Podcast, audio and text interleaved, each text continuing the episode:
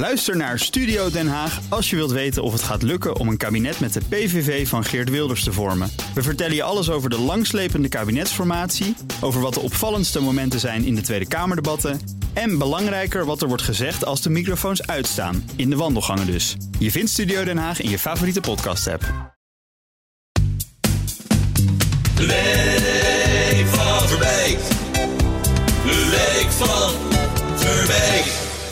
Deze week raakte Den Haag verwikkeld in een potje politiek Cluedo. In de hal van de Tweede Kamer vinden we het verminkte lijf van de kabinetsformatie. Eromheen staat een groepje verwarde mensen met de vraag: wat is hier gebeurd? Over de schuldigen is iedereen het eens. Pieter Omtzigt. NRC en de heer Omtzigt. En ook het moordwapen laat weinig twijfel. Precies toen de onderhandelaars wat onraad begonnen te voelen, gebeurde er het volgende. Toen stuurde die een appje. En dat brengt ons bij het motief. En hier wordt het allemaal een stuk onduidelijker.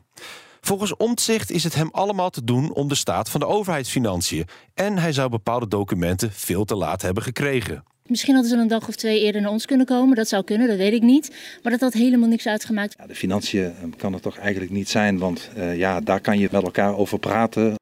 Ja, daar kan je met elkaar over praten, al dus de Mahatma Gandhi van Venlo. Als je de onderhandelingspartners moet geloven, zijn we hier dus getuigen van zinloos politiek geweld.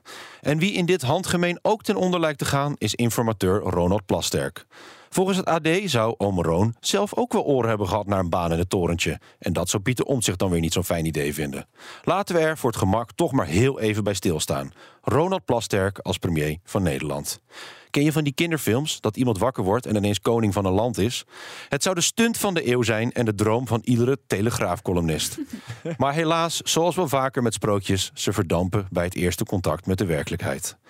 Ondertussen ontkent Omtzigt dat de formatie dood is. Hij doet alleen niet meer mee. Dat kan nog wel gebeuren, alleen dat is hij nu niet van plan. Je kan een hoop zeggen over Pieter Omtzigt, maar wat kan die man schitterend twijfelen? De Leek van Verbeek.